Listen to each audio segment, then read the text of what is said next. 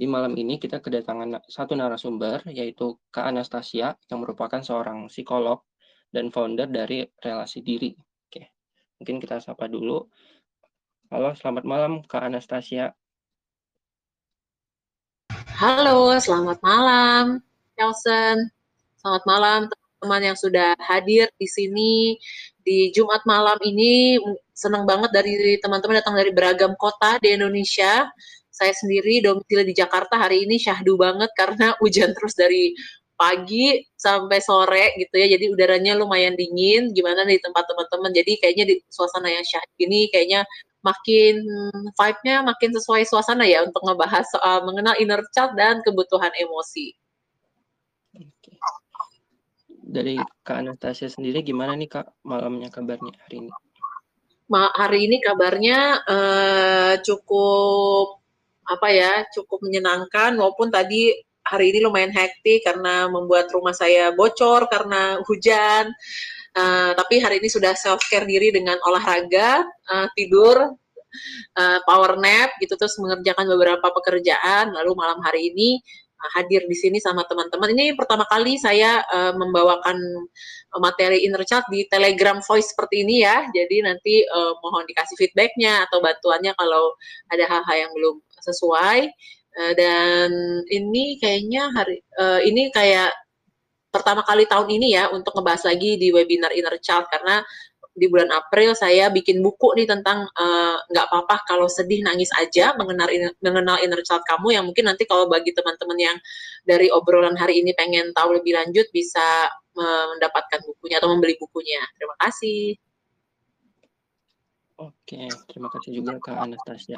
Mungkin tanpa ada lama lagi, aku silakan kepada Kak Anastasia untuk uh, sharing terkait materi finansial Oke, Kelson. Jadi ini nanti aku sharing dulu, nanti baru tanya jawab gitu kan ya? Benar. Oke, jadi aku akan mulai menceritakan atau lebih tepatnya mungkin berdongeng ya di malam Jumat ini karena besok kebanyakan kita jauh lebih santai atau libur atau mungkin ada sebagian yang masih bekerja juga. Jadi aku mau berdok mendongeng di malam hari ini membahas soal bagaimana kita mengenali inner child dan terutama sebenarnya buat aku pribadi tuh mengenali kebutuhan-kebutuhan emosi kita gitu ya. Ada nggak sih teman-teman yang uh, mengalami kesulitan untuk memahami kebutuhan emosi di masa dewasa atau kayak udah munculnya tuh pas lagi udah marah kayak aku tuh nggak didengerin aku tuh merasa nggak dipercaya jadi muncul udah marah padahal kita butuh briefing ya ke diri sendiri ke pasangan atau ke anak ini memahami kebutuhan emosi anak gimana atau uh, beberapa orang tua itu menyadari kayak hidup saya itu dulunya baik-baik aja. Tapi begitu saya punya anak kok saya banyak ke-trigger ya sama emosi-emosi saya sendiri gitu. Jadi memang dari penelitian psikologinya di aspek inner child ini kalau buat teman-teman yang belajar psikologi atau yang pengen mencari tahu lebih lanjut, apa yang saya sharingin ini ada di bagian namanya Jungian Psychology. Jadi kalau misalnya uh, belajar psikologinya secara umum mungkin belum tentu mereka udah tahu soal inner child atau beberapa juga merasa nggak percaya ada inner child tapi dari uh, dari aliran Jungian psychology inner child ini sangat real dan saya sendiri juga berproses dari 2016 memproses isu inner child saya sampai hari ini. Jadi saya ngerasa ini sih powerful banget ya untuk membuat saya berani menikah, untuk membuat saya punya relasi yang lebih sehat sama pasangan saya, untuk membuat saya tidak mengulangi pola-pola relasi yang toksik dari pernikahan orang tua saya gitu. Jadi buat saya sih powerful, powerful banget mengenali inner child dan nanti mengenali kebutuhan emosi. Gitu. Jadi saya pengen tahu nih, eh, mungkin teman-teman bisa tulis di kolom chat uh, apa sih intensi dari teman-teman uh, mengikuti sesi hari ini? Apa yang teman-teman harapkan? Itu. Jadi kalau untuk mengenali inner child sendiri, uh, ini juga salah satu topik yang booming, menarik gitu ya di dalam uh, dunia medsos gitu ya di Instagram tapi saya juga pengen menyampaikan juga nanti uh, definisi yang kita pakai untuk memahami inner child hari ini. Tapi saya pengen lihat dulu teman-teman menuliskan apa nih untuk intensi hari ini supaya saya bisa menyesuaikan.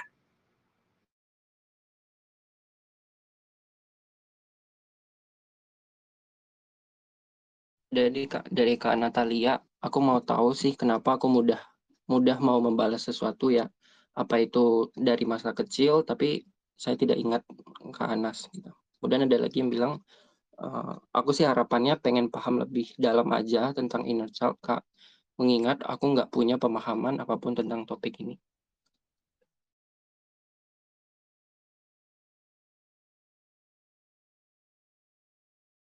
Oke, terima kasih buat jawaban-jawabannya dan boleh silahkan terus diteruskan karena uh, saya percaya apa pun yang kita pelajari itu kita perlu tahu dulu intensi kita dan kenapa kita mau uh, memahami itu dan juga betul yang hari ini kita sampaikan nih baru briefing awal gitu ya. Jadi ini bukan suatu sesi terapi, bukan sesi konseling. Jadi benar-benar buat awareness dulu aja dan saya selalu percaya bahwa knowledge is power. Pengetahuan tuh sangat penting. Jadi eh, nggak uh, apa-apa banget hari ini kita mulai belajar dulu dari apa sih si inner child ini. Jadi inner child itu adalah uh, sisi diri masa kecil kita, di sisi diri kita sebagai anak yang masih tersimpan dalam otak kita. Jadi kalau ada orang bilang inner child itu di mana sih tempatnya gitu ya? Eh, pengalaman inner child ini kayak memory card di HP atau di laptop ya teman-teman atau di kamera gitu ya.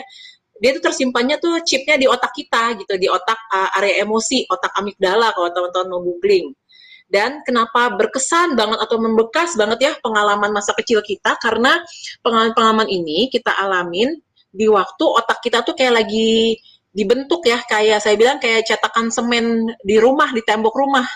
Pernah nggak teman-teman ngalamin waktu kecil maupun sekarang gitu ya? Nggak sengaja megang cetakan semen yang belum jadi. Padahal megangnya halus ya tapi tangannya bekas di situ. Nah, itulah analogi yang bisa menjelaskan apa yang kita rekam di masa anak-anak kok kayaknya bisa segitu membekasnya, membekas dalam hal baik in a good way atau membekas dalam hal negatif karena otak kita tuh lagi sangat se fragile atau lagi sangat seterbuka itu untuk beragam pengalaman gitu. Jadi apa yang kita alami di masa itu ngaruh banget. Jadi uh, antitesis untuk masa sekarangnya adalah bagaimana kita tuh menjadi conscious parent pengasuhan menjadi orang tua yang berkesadaran, sadar ngelakuin segala sesuatu. Kenapa saya begini ke anak? Bahkan dimulai dari conscious conception.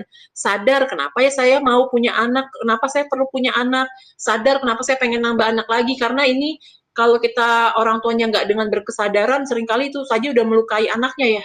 Terus saya lahir nih buat apa ya? Kenapa orang tua saya nggak ngejar mimpi mereka malah ngebuat saya jadi uh, apa namanya jadi pion-pion catur untuk membahagiakan hidup mereka misalnya seperti itu jadi uh, lawan bukan untuk meng, untuk membantu supaya kita tidak meneruskan rantai trauma ini kita sangat-sangat penting juga nanti berlatih dan belajar mindset soal conscious parenting itu bisa jadi topik uh, tabula berikutnya tuh tentang conscious parenting atau kalau udah pernah dibahas.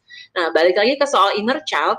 Jadi inner child itu adalah pengalaman-pengalaman emosi di masa kecil yang tersimpan di otak kita terbawa sampai kita dewasa gitu. Jadi inner child itu nggak selalu negatif ya. Jadi dia netral semua pengalaman. Tetapi kenapa yang sering kali dibahas adalah pengalaman-pengalaman keterlukaan? Karena nyadar nggak sih teman-teman otak kita itu lebih mudah mengingat hal yang negatif dibanding yang positif. Kalau kayak 100 batu bata ya, 99 batu batanya bagus, satu yang kebalik, cenderung kita ingat yang kurangnya. Itu kenapa? dari perspektif psikologi bukan karena kita kurang ibadah dan kurang iman, tapi begitulah Tuhan menciptakan otak manusia. Otak manusia dari zaman leluhur kita manusia berburu didesain untuk lebih kuat mengingat hal negatif, baik hal negatif atau berbahaya secara fisik maupun hal negatif dan berbahaya secara emosi atau mental karena tujuannya untuk survival. Jadi otak kita ini kan hasil evolusi manusia bergenerasi-generasi otak kita itu memang didesain untuk survive tapi nggak didesain untuk bisa bahagia. Maka untuk bahagia atau punya kesehatan mental yang baik harus tahu caranya dan berlatih. Karena otak kita ini kayak otot, bisa kalau dilatih dan bisa kalau tahu caranya gitu ya. Jadi dalam inner child ini semua pengalaman emosi, tapi kenapa yang sering dibahas itu hal yang negatif? Karena itu yang negatif itu stuck banget di otak kita, terus kita nggak tahu uh, cara memprosesnya. Lalu kita juga uh, sadar atau enggak hidup di masyarakat Indonesia yang kayaknya pamali banget kalau ngomongin orang tua ya. Jadi saya juga kasih disclaimer dulu, hari ini kita membahas inner child namanya aja inner child ya. Fokusnya tuh pengalaman kita sebagai anak. Sama sekali tidak ada maksud, tidak ada niat untuk menjadi anak durhaka, untuk sama sekali tidak ada niat untuk menyalahkan orang tua karena mereka juga sudah berusaha jadi orang tua terbaik di zaman mereka ya.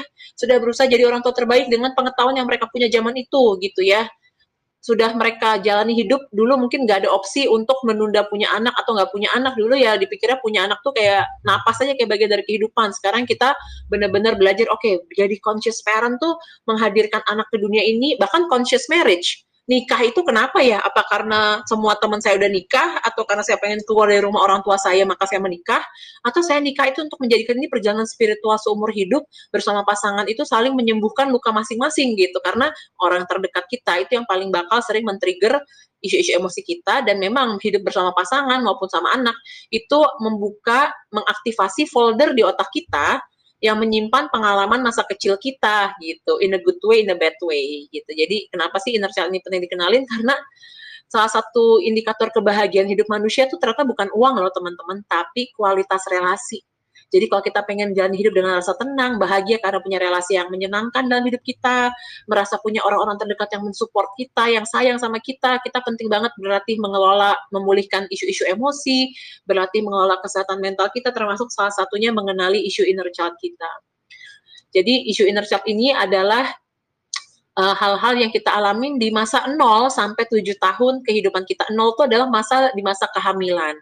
Jadi uh, saya kan sehari-hari itu prakteknya sebagai psikolog klinis anak dan remaja. Jadi saya kalau ketemu sama orang tua yang pertama kali klien baru gitu ya, satu jam sesi pertamanya itu saya tuh menanyakan riwayat anak ini dari masa hamil sampai umur sekarang. Masa hamil itu ada gini, anak ini dari masa dari menikah sampai hamil berapa lama jaraknya? Pengen nggak sih punya anak ini, diinginkan nggak sih anak ini, apa sih emosi-emosi yang ibu dan bapak alamin waktu hamil anak ini? Karena emosi-emosi yang ibu alamin di masa kehamilan itu jadi blueprint cetak biru emosi-emosi anak. Bahkan bisa terlihat evidence base-nya dari klien-klien saya yang usia remaja ketika mereka sangat sensitif emosinya sangat takut dengan penolakan sangat insecure ternyata itu emosi-emosi yang ibunya alamin waktu hamil anak ini gitu ya. Penjelasan saintifiknya adalah karena detak jantung, tekanan darah ibu itu langsung masuk ke dalam anaknya. Belum kita bicara dari segi gelombang otak gitu ya. Jadi kalau sekarang itu juga ada conscious pregnancy, pengasuhan apa kehamilan berkesadaran, pentingnya waktu masa kehamilan berlatih mindfulness, relaksasi, yoga, pentingnya uh, ibu hamil ini disupport gitu. Beberapa klien saya ada yang udah hamilnya jaraknya sebulan dari menikah dan gak direncanain. Ya udah sedapat dapatnya aja tapi gak di prepare bahwa setelah dia hamil dia harus tinggal di rumah mertua. Bayangin adaptasi udah menikah habis menikah berat hamil itu di rumah mertua jadi nggak nggak nyaman banyak hal harus ditahan. Eh suaminya kerja di luar kota nggak heran waktu lahir anaknya punya banyak isu-isu emosi susah adaptasi karena itu yang ibunya rasain. Nggak bisa adaptasi nyaman karena nggak tinggal di rumah sendiri. Termasuk yang mengalami baby blues sampai postpartum depression setelah melahirkan, sering kali itu nggak diobrolin, nanti habis melahirin pulang ke rumah siapa ya, sama siapa ya, padahal ibu habis melahirkan itu kan sangat banyak penyesuaian yang terjadi, hormonnya juga lagi nggak enak banget, dia butuh merasa aman, ditemani dan tenang, makanya sekarang banyak juga gentle birth ya, karena proses kelahiran itu juga seharusnya di ruangan yang syahdu, yang tenang, tidak banyak suara, tidak banyak cahaya-cahaya terang seperti ruang operasi rumah sakit gitu ya, makanya sekarang banyak bidan dan dula itu karena kita mau mencegah isu-isu inner child yang lebih banyak lagi gitu ya. Jadi uh, yang kita alami di tujuh tahun pertama kehidupan itu kalau di sistem otak masuknya ke alam bawah sadar atau subconscious.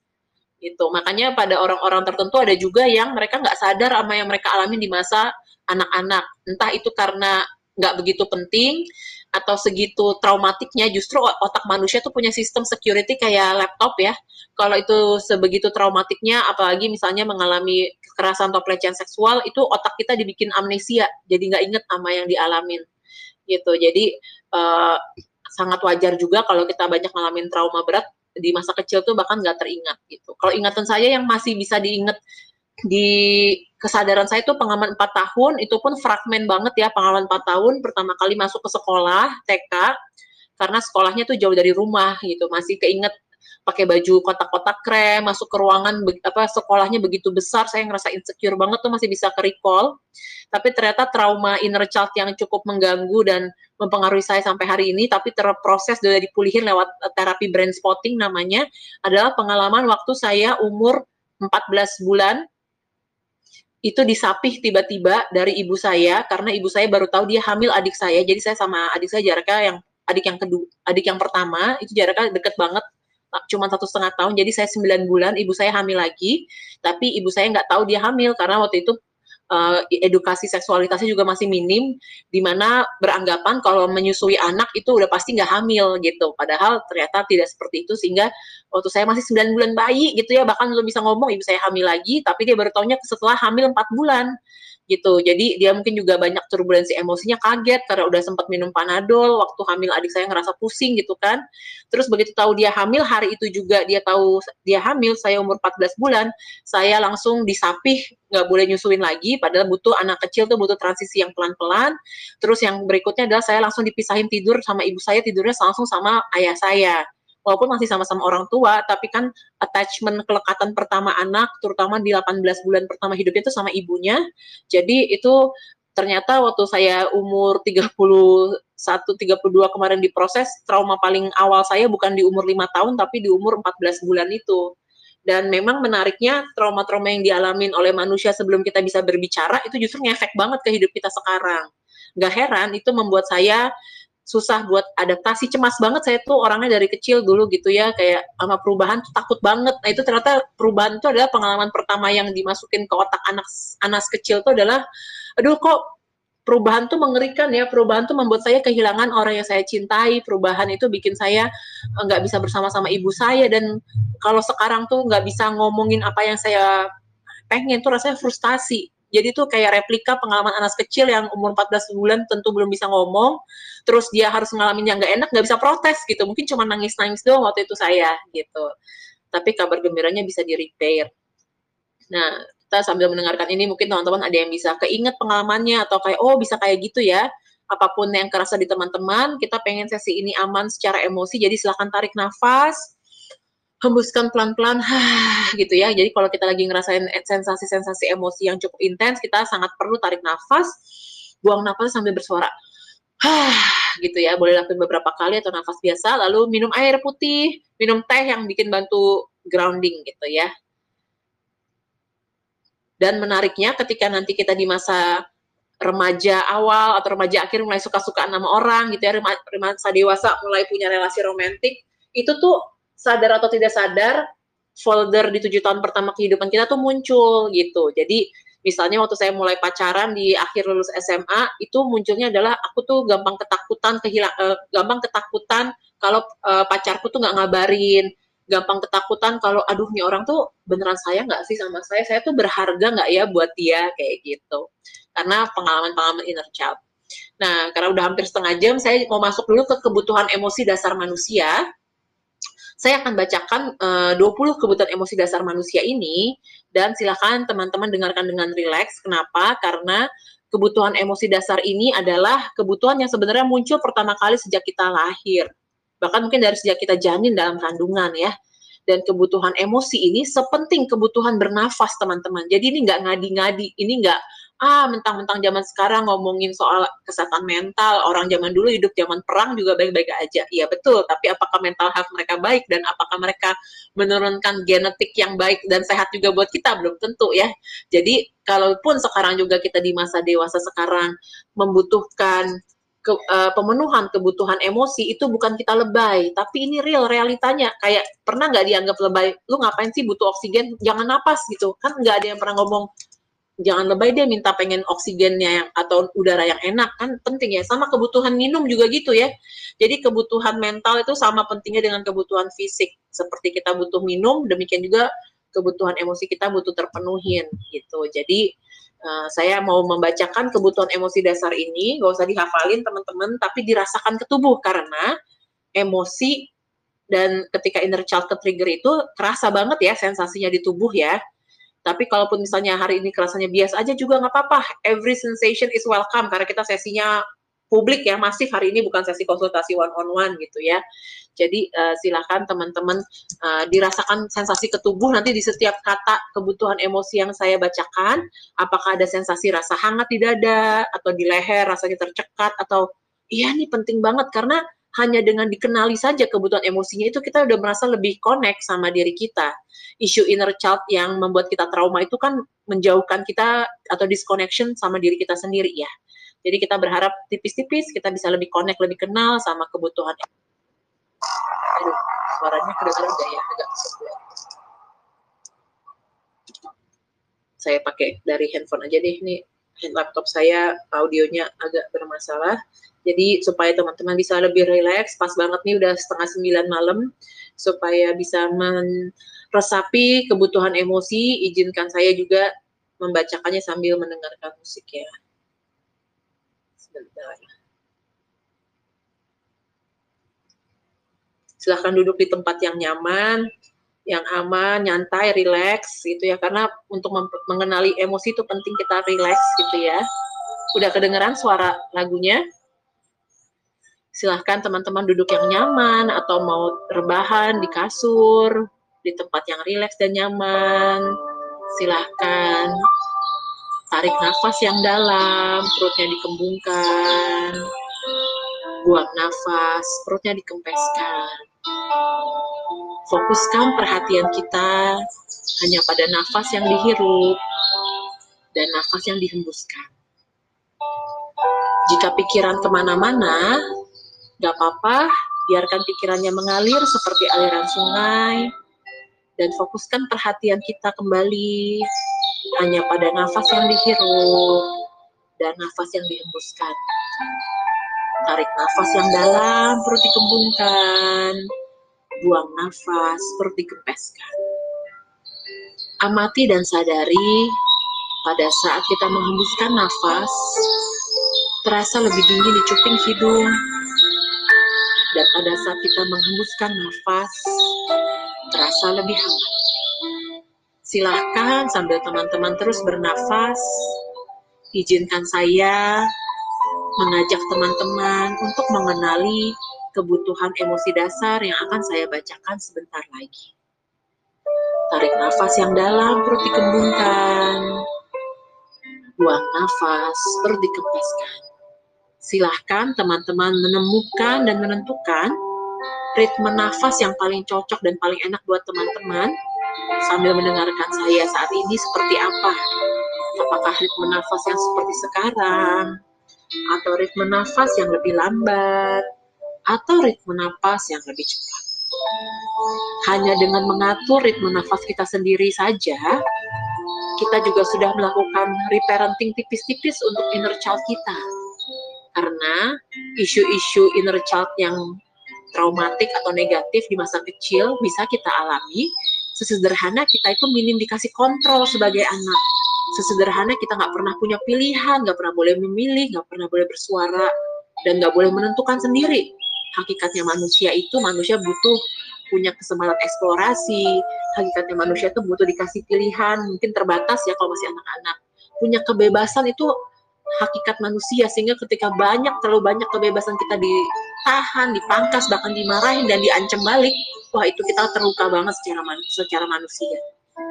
Tarik nafas yang dalam perut dikembungkan buang nafas, perut dikempeskan. Hanya dengan di masa sekarang kita menemukan dan menentukan lagi ritme nafas kita pengennya seperti apa sih ritme cepatnya.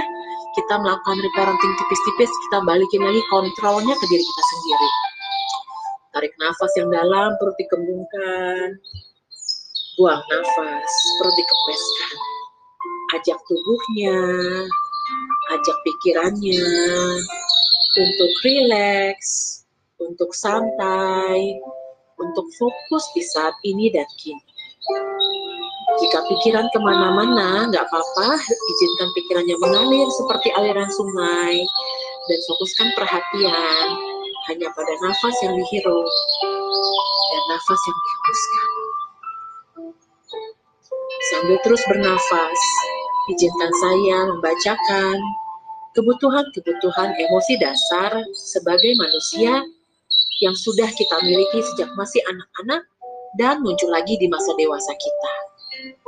Ketika saya membacakan, silahkan dikenali ke tubuh sendiri sambil bernafas.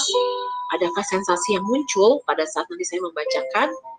Apa pun sensasi yang muncul, kita terima, kita peluk, kita validasi. Oh iya ya, ini penting buat saya. Dan jika nanti rasanya sesek, sedih, ingin menangis, atau tersenyum, wah senang ya dikenalin kebetulan emosinya, izinkan juga untuk dirasakan apa pun emosinya. Every emotion is welcome today. Tarik nafas yang dalam, perut dikembungkan. Buang nafas, perut dikempeskan. Aku punya kebutuhan emosi dasar untuk merasa diterima sebagai anak. Apakah dulu kita punya pengalaman semasa kecil sering ngerasa nggak diterima karena kita tidak memenuhi standar tertentu dari orang tua, karena hakikatnya manusia ingin diterima tanpa syarat, unconditional love sama orang tua yang melahirkannya ke dunia ini. Tarik nafas yang dalam, perut dikembungkan. Buang nafas, perut dikempeskan. Sambil terus bernafas, boleh memejamkan mata, boleh melek. Pada saat kita mengingat, aku punya kebutuhan emosi dasar untuk merasa diterima, teman-teman silahkan temukan juga dalam diri butuh kebutuhan merasa diterima ini konkretnya kayak apa sih? Karena sering kali orang lain suka bilang, aku tuh udah terima kamu kok, tapi kita dalam dada, dalam hati nggak merasa. Jadi kemungkinan yang dikasih itu belum sesuai sama yang kita butuhin. Seperti kita lapar, pengennya nasi goreng yang datang nasi putih. Ini kan nasi juga, eh tapi beda nih, nggak nasi goreng, nggak gurih gitu ya, berarti belum sama. Nggak apa-apa, kita kenalin dulu hari ini. Tarik nafas yang dalam, perut dikembungkan. Buang nafas, perut dikempeskan aku punya kebutuhan emosi dasar untuk merasa dihargai sebagai anak, lalu dihargai sebagai remaja. Dulu kita pengen banget dihargai sama orang tua kita, lalu sebagai orang dewasa pengen banget dihargai. Makanya mungkin apakah ketika kita saat ini di kantor atau dengan pasangan ketika kita ngerasa nggak dihargai, karena dulu waktu kecil minim merasa dihargai, jadi gampang ke-trigger juga intensitas emosinya kalau dari 1 sampai 10 udah 7, 8, 9, 10 kok ngerasa nggak dihargain. Saking dari kecil udah kurang, udah malnutrisi secara emosi nih nggak terpenuhinya. Pasangan, orang dewasa di sekitar kita sering kali hanya men-trigger apa yang dulu kita waktu kecil belum dapetin gitu ya. Tarik nafas yang dalam, perut dikembungkan. Buang nafas, perut dikempeskan. Terus bernafas, ajak tubuhnya, ajak pikirannya untuk rileks, santai, kita letakkan sejenak pergumulan hal-hal hidup kita di depan pintu rumah kita, kita fokus sama nafas yang dihirup dan nafas yang dihembuskan saat ini. Tarik nafas yang dalam, perut dikembungkan. Buang nafas, perut dikempeskan. Aku punya kebutuhan emosi dasar untuk merasa dikagumi sebagai anak. Kayak apa sih kebutuhan kita merasa dikagumi sebagai anak, apakah tiap kali orang tua kita lihat ke kita pengennya mereka tersenyum, kalau kita muter-muter depan mereka pakai baju yang kita suka atau bikin Lego tertentu, mereka senang pas lihat kita atau muji kita, atau yang seperti apa? Tarik nafas yang dalam, perut dikembungkan. Buang nafas, perut dikempeskan. Kita juga punya kebutuhan emosi dasar untuk merasa dikagumi di masa remaja, juga di masa dewasa yang sering kali itu bawaan dari kebutuhan di masa kecil. Sebelum saya memproses isu inner child ini, saya itu kepengennya pasangan saya mengagumi saya tuh kayak ngomong ke anak umur lima tahun, wah Anas hebat, Anas keren. Tapi orang dewasa rata-rata nggak bisa ngasih ini ke kita, lalu kita merasa kecewa dan frustasi sama pasangan. Setelah saya proses ini dengan konseling ke terapi saya, ternyata ini ternyata kebutuhan anak kecil umur lima tahun yang pengennya dia kagumi sama orang tuanya tapi dulu nggak dapet. Karena dulu orang tua saya mukanya muka tanpa ekspresi. Lalu di masa dewasa saya belajar di parenting inner child saya saya mengagumi diri saya dengan kasih kalimat-kalimat. Afirmasi ke diri wah makasih ya Anas udah lakuin ini. Wah I'm so proud of you. Dan makin saya melatih ini ke diri sendiri tanpa saya harus ajarin ternyata pasangan saya mulai berubah dia mulai sering memuji saya. I am proud of you Nas. Ya ampun ini yang dulu Anas butuhin waktu kecil. Dan belakangan kemudian bertahun-tahun kemudian ibu saya mulai bisa ngelakuin ini ke hidup saya. Padahal dulu waktu kecil dia sangat mengkritik saya habis-habisan. Dan di usia dewasa saya bisa mengalami ibu saya mulai bisa bilang Mama bangga sama kamu. Seumur hidup saya berjuang mati-matian hanya ingin dapat pengakuan dari mama saya. Tapi semakin kita berharap orang lain yang berubah nggak dapat tapi dengan kita fokus mengenali kebutuhan emosi kita, fokus memulihkan diri, lingkungan bisa berubah seturut dengan waktunya mereka yang bisa kita kontrol cuman perubahan dalam diri kita. Tarik nafas yang dalam, perut dikembungkan. Buang nafas, perut dikempeskan. Aku punya kebutuhan emosi dasar untuk merasa diapresiasi kayak apa sih kebutuhan merasa diapresiasi sebagai anak, anak TK, anak SD, beda cara kebutuhan merasa diapresiasi anak remaja atau di usia dewasa sekarang. Dikenali dan diakui, iya ya saya punya kebutuhan untuk merasa diapresiasi. Tarik nafas yang dalam, perut dikembungkan. Buang nafas, perut dikemeskan. Aku punya kebutuhan emosi dasar untuk merasa didukung yang versi aku. Kayak apa sih kebutuhan merasa didukung yang versi teman-teman di usia anak, di usia remaja, di usia dewasa, atau antara didukung oleh orang terdekat, keluarga, pasangan, anak, sama didukung oleh teman kerja, atau orang luar, itu beda kan kebutuhannya kita kenalin dulu. Kayak apa sih kebutuhan untuk merasa didukungnya? Ya boleh loh kita butuh didukung. Nggak harus selalu ngelakuin apa pun sendirian. Tarik nafas yang dalam terus dikembangkan. Buang nafas perut dikempeskan. Aku punya kebutuhan emosi dasar untuk merasa dipercayai apakah kita punya banyak pengalaman dipercaya cerita kita sebagai anak-anak atau sering dianggap ah anak kecil bohong kali dia Apakah kita punya kebutuhan emosi untuk merasa dipercaya sebagai remaja, lalu dipercaya sebagai orang dewasa, atau minim pengalaman ini? Kita kenali dan sadari dulu. Tarik nafas yang dalam, perut dikembungkan. Buang nafas, perut dikempeskan. Aku punya kebutuhan emosi dasar untuk merasa dianggap mampu, capable. Bukan selalu karena mentang-mentang anak terakhir dianggap nggak bisa, bukan mentang-mentang karena kita punya kondisi fisik khusus selalu dianggap nggak bisa. Kita butuh dianggap mampu sesuai usia kita. Karena terlalu dianggap mampu melebihi kemampuan kita waktu kecil itu yang bikin kita merasa frustasi. Jadi penting banget jadi orang tua zaman now nanti kita belajar mempercaya mempercayai anak memberikan uh, kemampuan pada anak itu sesuai usianya supaya pas memberikan tantangan karena terlalu berlebihan itu bikin frustasi buat anak Tarik nafas yang dalam, perut dikembungkan. Buang nafas, perut dikempeskan. Aku punya kebutuhan emosi dasar untuk merasa diperhatikan yang versi aku. Kadang-kadang buat beberapa orang ketika hanya diperhatikan kalau bikin prestasi membanggakan jadi sedih. Ah, aku kalau nggak punya prestasi lagi biasa-biasa aja berarti aku nggak disayang, berarti aku bukan siapa-siapa. Apakah itu yang membuat kita di masa dewasa terlalu ingin membuat banyak penghargaan, bikin pencapaian terus-menerus saking kau tuh kecil haus merasa diperhatikan. Tarik nafas yang dalam, perut dikembungkan. Buang nafas, perut dikempeskan. Aku juga punya kebutuhan emosi dasar untuk merasa dimaafkan ketika aku butuh dimaafkan. Aku juga punya kebutuhan emosi dasar sebagai anak untuk merasa didengarkan. Juga waktu remaja punya kebutuhan emosi dasar untuk merasa didengarkan. Merasa didengarkan yang versi aku tuh yang kayak apa sih? Dan juga waktu dewasa kita punya kebutuhan emosi dasar untuk merasa didengarkan. Tapi yang paling mengganggu kita mungkin pengalaman di tujuh tahun pertama kalau kita minim merasa didengarkan atau bersyukur kalau udah banyak pengalaman merasa didengarkan tarik nafas yang dalam perut dikembungkan buang nafas perut dikempeskan Aku juga punya kebutuhan emosi dasar untuk merasa ditolong sesuai usia aku saat itu. Bukannya mentang-mentang aku anak pertama, mentang-mentang aku anak laki-laki, harus bisa sendiri. Gak boleh takut. Itu membuat kita tercedera inner child-nya. Kan aku anak-anak yang tetap butuh ditolong. Tarik nafas yang dalam, perut dikembungkan. Buang nafas, perut dikempeskan. Mungkin di masa dewasa sekarang, buat teman-teman yang masih kesulitan untuk meminta bantuan, sering sakit gara-gara terus over limit sama dirinya, apakah itu karena waktu kecil kita minim pengalaman ngerasa ditolong atau boleh minta tolong, jadi berusaha kuat terus sendirian di masa dewasa tapi bikin kita ngerasa nggak damai, nggak sejahtera dalam diri. Atau malah membuat kita ketemu sama pasangan yang nggak bisa nolong kita, saking mindset mindset alam bawah sadar kita masih nggak ada orang di dunia ini yang bisa nolong kita. Gak ada orang di dunia ini yang bisa dengerin dan bisa kita percayai. Jadi kok dilalah ketemunya pasangan yang unavailable secara emosi. Jangan-jangan karena isu inner child kita yang perlu kita proses dulu. Tarik nafas yang dalam, perut dikembungkan.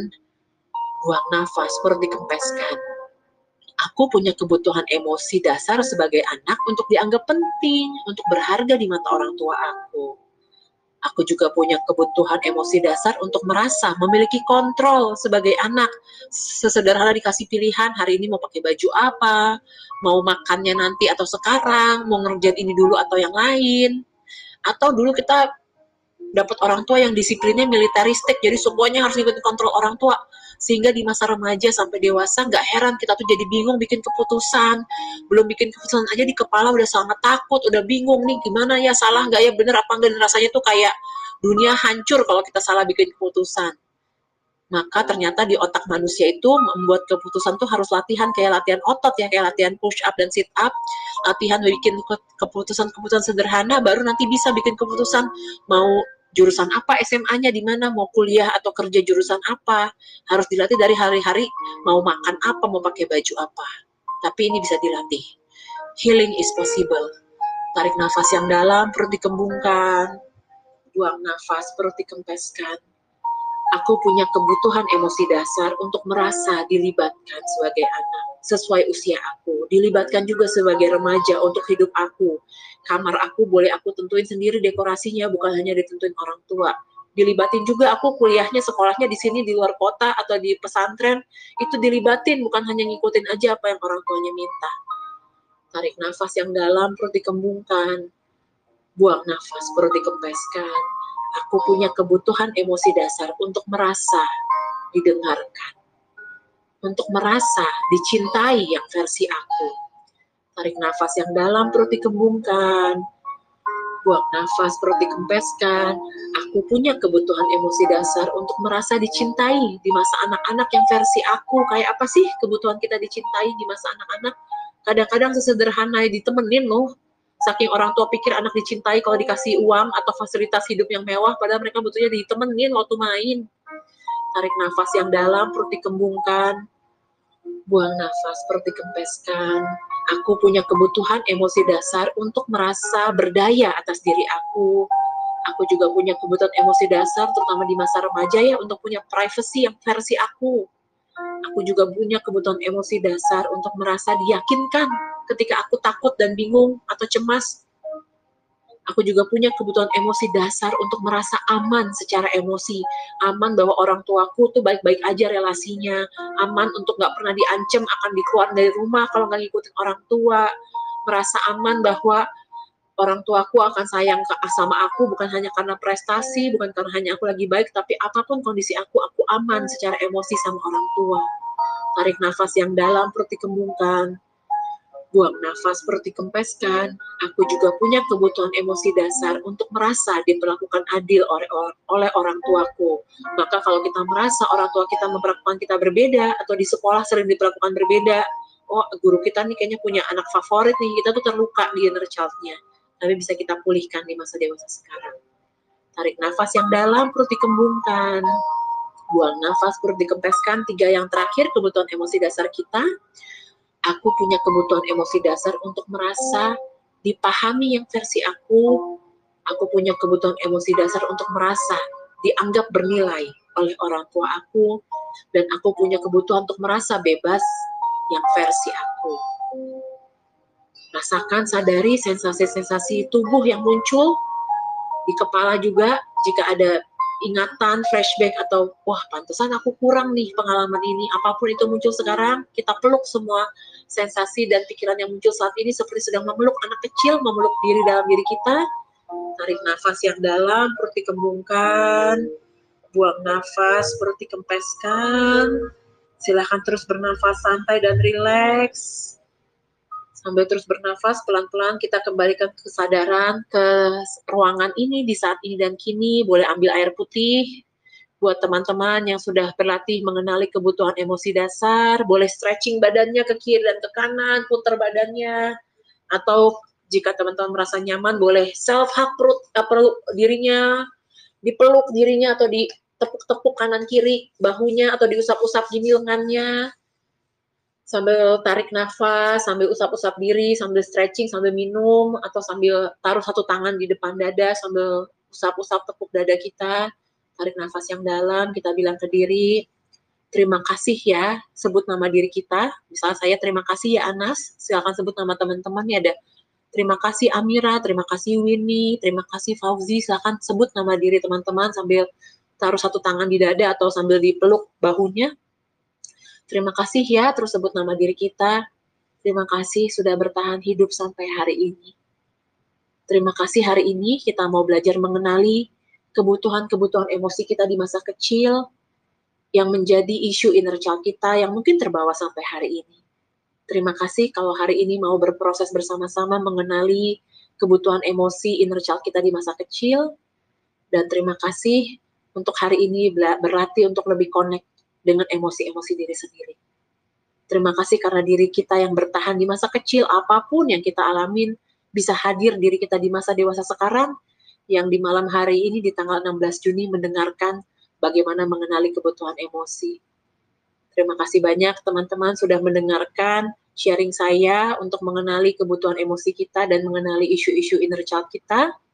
Semoga membantu teman-teman untuk lebih connect sama diri dan membantu perjalanan diri teman-teman untuk memiliki kesehatan mental yang semakin baik, untuk bisa jadi teman terbaik diri, punya kemampuan untuk self love, mencintai diri secara sehat, karena relasi kita yang di dalam diri, our relationship with ourselves, menentukan atau set the tone for all relationship in this world di masa dewasa, tugas dan tanggung jawab kita memulihkan diri. Mungkin luka-luka emosi kita bukan karena kita, tapi di usia dewasa, tugas dan tanggung jawab kita untuk memulihkan diri dan sangat mungkin untuk pulih karena healing is possible dan teman-teman itu begitu berharga. Terima kasih banyak.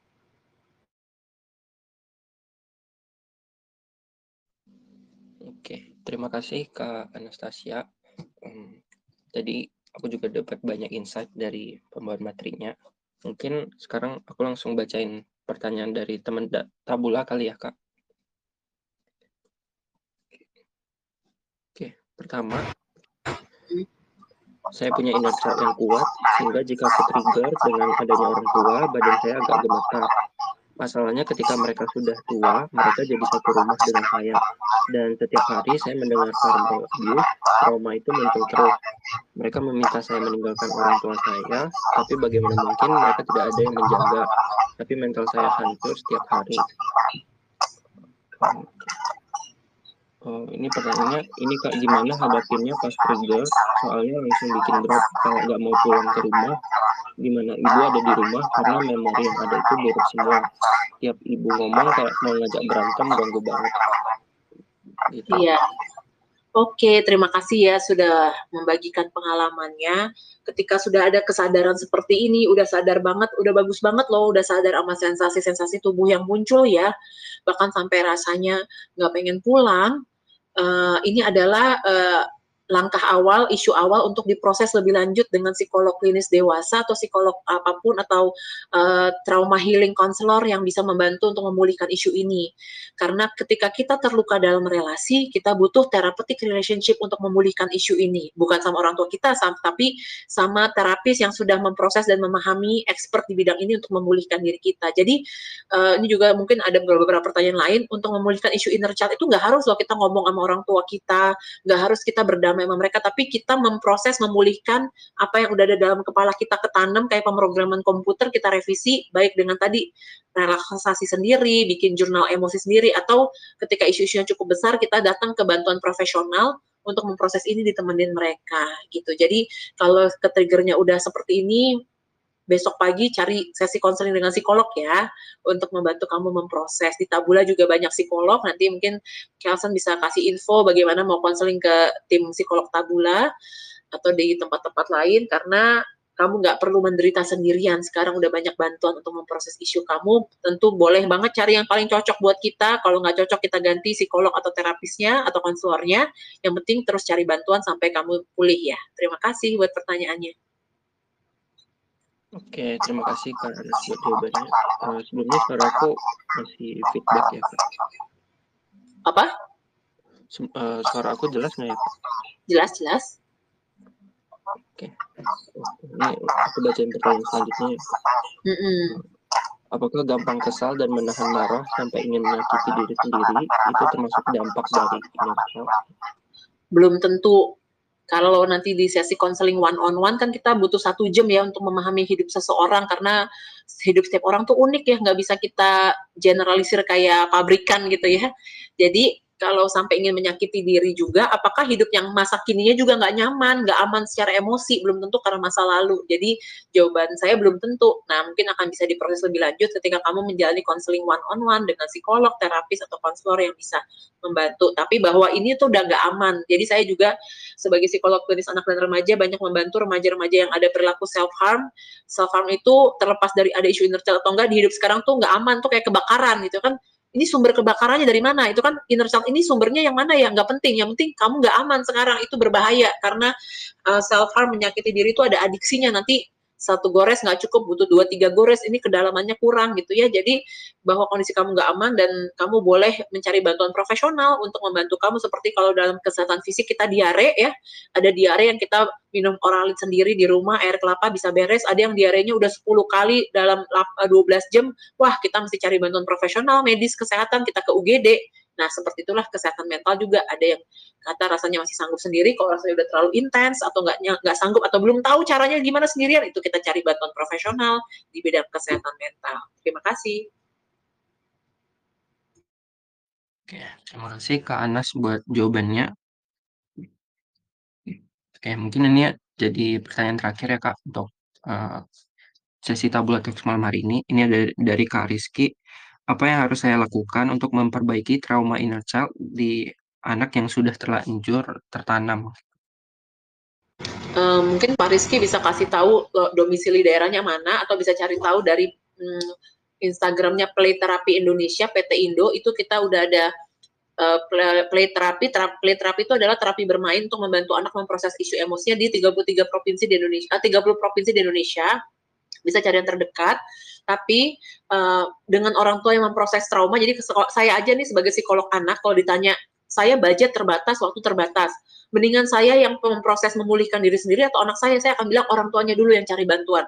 Karena ketika orang tua yang terproses terpulihkan selain di otak kita udah terpulihkan di hidup kita hari-hari ini kelas bersama anak juga dia ada pengalaman baru ketika ibunya udah memproses diri, klien saya dia bisa bilang, ah kok mama saya beda ya sekarang, dia lebih sabar, dia lebih nggak banyak marah-marah seperti sebelumnya. Jadi proses healing orang tua itu efeknya bukan cuma diri sendiri, tapi juga langsung membantu ke anaknya. Jadi uh, silahkan cari bantuan untuk anak kalau ada play terapi di daerahnya. Kalau enggak kita fokus memulihkan diri. Sekarang juga banyak bantuan konseling online, itu juga juga akan bisa membantu kita. Terima kasih.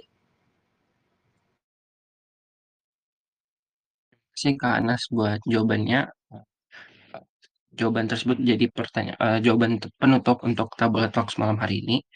Oke, mungkin aku sedikit ngerangkum tadi tuh uh, aku highlight tadi dari Kak Anas uh, ada 20 kebutuhan emosi yang tadi udah dibacain oleh Kak Anas dan dari aku juga banyak refleksi dan lebih mengenal lagi tentang diri sendiri apa yang terkait kebutuhan emosi yang aku butuhin gitu. Terus hal baru juga yang aku dapetin tadi, Kanas juga sempat bahas terkait conscious pregnancy. Jadi uh, ternyata hal hal-hal yang dialami oleh orang tua kita ketika uh, bahkan kita masih dalam kandungan itu mempengaruhi banget ya kak untuk sampai sekarang kita jadi dewasa gitu. Hmm, Oke, mungkin dari Kana sendiri uh, buat teman-teman yang bisa mau uh, tanya-tanya lebih lanjut bisa langsung tanya ke Kak Anas. Mungkin Kak Anas bisa cerita tentang relasi.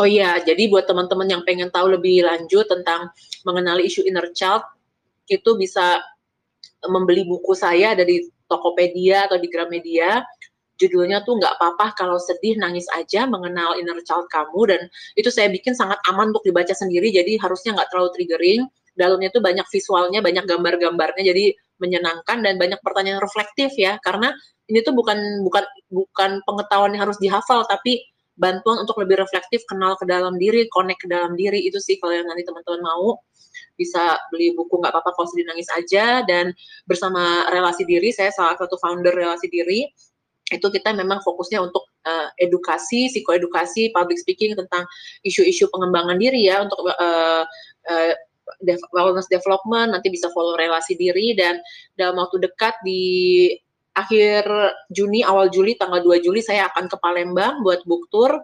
Nanti di bulan Juli saya akan ke Denpasar, um, ke Bandung, mana lagi ya saya lupa. Nanti lihat aja di relasi diri atau di akun Instagram saya. Semoga bisa bertemu langsung untuk kita membahas soal inner child ini. Karena saya percaya dan meyakini kayak kita itu bertahun-tahun hidup sebagai manusia minim atau bahkan belum pernah ada yang ngajarin kita bagaimana mengenal emosi dan bagaimana mencintai diri secara sehat, tapi kita bisa belajar dari sekarang, dan saya pengen terjadi percepatan orang-orang lebih belajar soal mengenal diri, mengenal emosi, karena Indonesia ini darurat relasi sehat, benar nggak sih? Banyak kasus KDRT, kekerasan, banyak relasi orang tua dengan anak yang uh, buruk, mungkin karena kita nggak tahu dan itu yang dimasukin ke otak kita, tapi healing is possible, kita bisa pulihin itu, kita bisa menjadi generasi pemutus rantai trauma emosi, semoga segala yang gak enak itu berhenti di kita, cukup aja kita yang alami lalu kita mengalami pemulihan sehingga kita bisa memberikan bibit-bibit kedamaian yang lebih baik ke anak-anak kita. Dan mereka nanti akan menjadi penghuni dunia ini. Semoga dunia kita masyarakat kita jadi tempat yang lebih aman nyaman untuk ditinggali karena orang-orangnya di, bertumbuh dalam keluarga lingkungan yang udah lebih penuh balas asih dan penuh kasih. Terima kasih. Terus menjalani proses diri untuk lebih kenal diri dan semoga kita bisa bertemu di kesempatan yang lainnya. Selamat malam Terima kasih Kak Anas. Aku dari perwakilan Tabula mau mengucapkan terima kasih yang sebesar-besarnya kepada Kak Anas karena udah membawakan materi yang sangat bermanfaat ya bagi kita semua di sini, terutama terkait inner child dan kita bisa belajar lagi lebih mengenal terkait diri sendiri melalui kebutuhan emosi tersebut. Harapannya materi malam ini bisa jadi ilmu bagi teman Tabula, juga membawa insight baru baik bagi kalian uh, teman-teman yang terkait kebutuhan emosi dan inner child. Oke, terima kasih banyak, uh, Kak Anas. Oke, terima kasih banyak ya, Sam. Sampai bertemu lagi. Oke. Bagi teman Tabula, aku akan memberikan beberapa pengumuman sebelum kalian live dari room ini. Jadi bagi teman Tabula yang saat ini mau coba untuk ke konselor profesional, tapi belum tahu mau ke mana, coba layanan konseling di Tabula. Kalau kalian butuh tempat yang aman untuk curhat dan cerita, memperoleh insight dan sudut pandang baru tentang masalah yang kamu hadapi, kamu bisa curhat ke konselor asosiat Tabula. Bisa daftar melalui link yang ada di kolom komentar. Dan juga bagi dua pemenang di Tabula Talks malam hari ini akan mendapat free sesi konseling dengan konselor Tabula selama 45 menit. Caranya gampang, tinggal follow akun tabula.id di Instagram, kemudian post di Instastory uh, manfaat yang kamu dapatkan setelah mengikuti Tabula Talks malam hari ini, dan tag, tag, tag akun tabula.id dan tag tiga teman kamu yang kamu rasa akan mendapat manfaat dari Tabula Talks tersebut. Dan juga buat teman-teman, karena Tabula Talks malam ini mendapat sertifikat, kamu bisa langsung isi di bawah ini linknya, ada di bit.ly slash sertifikat Tabula Talk Kalian bisa isi form ini paling lambat besok Sabtu sebelum jam 12 siang. Nanti kita akan mengirimkan sertifikatnya. Oke, sekali lagi aku ucapkan terima kasih kepada Kak Anas dan juga teman-teman Tabula di malam hari ini. Sampai ketemu di Tabula Talks berikutnya. Selamat malam teman-teman.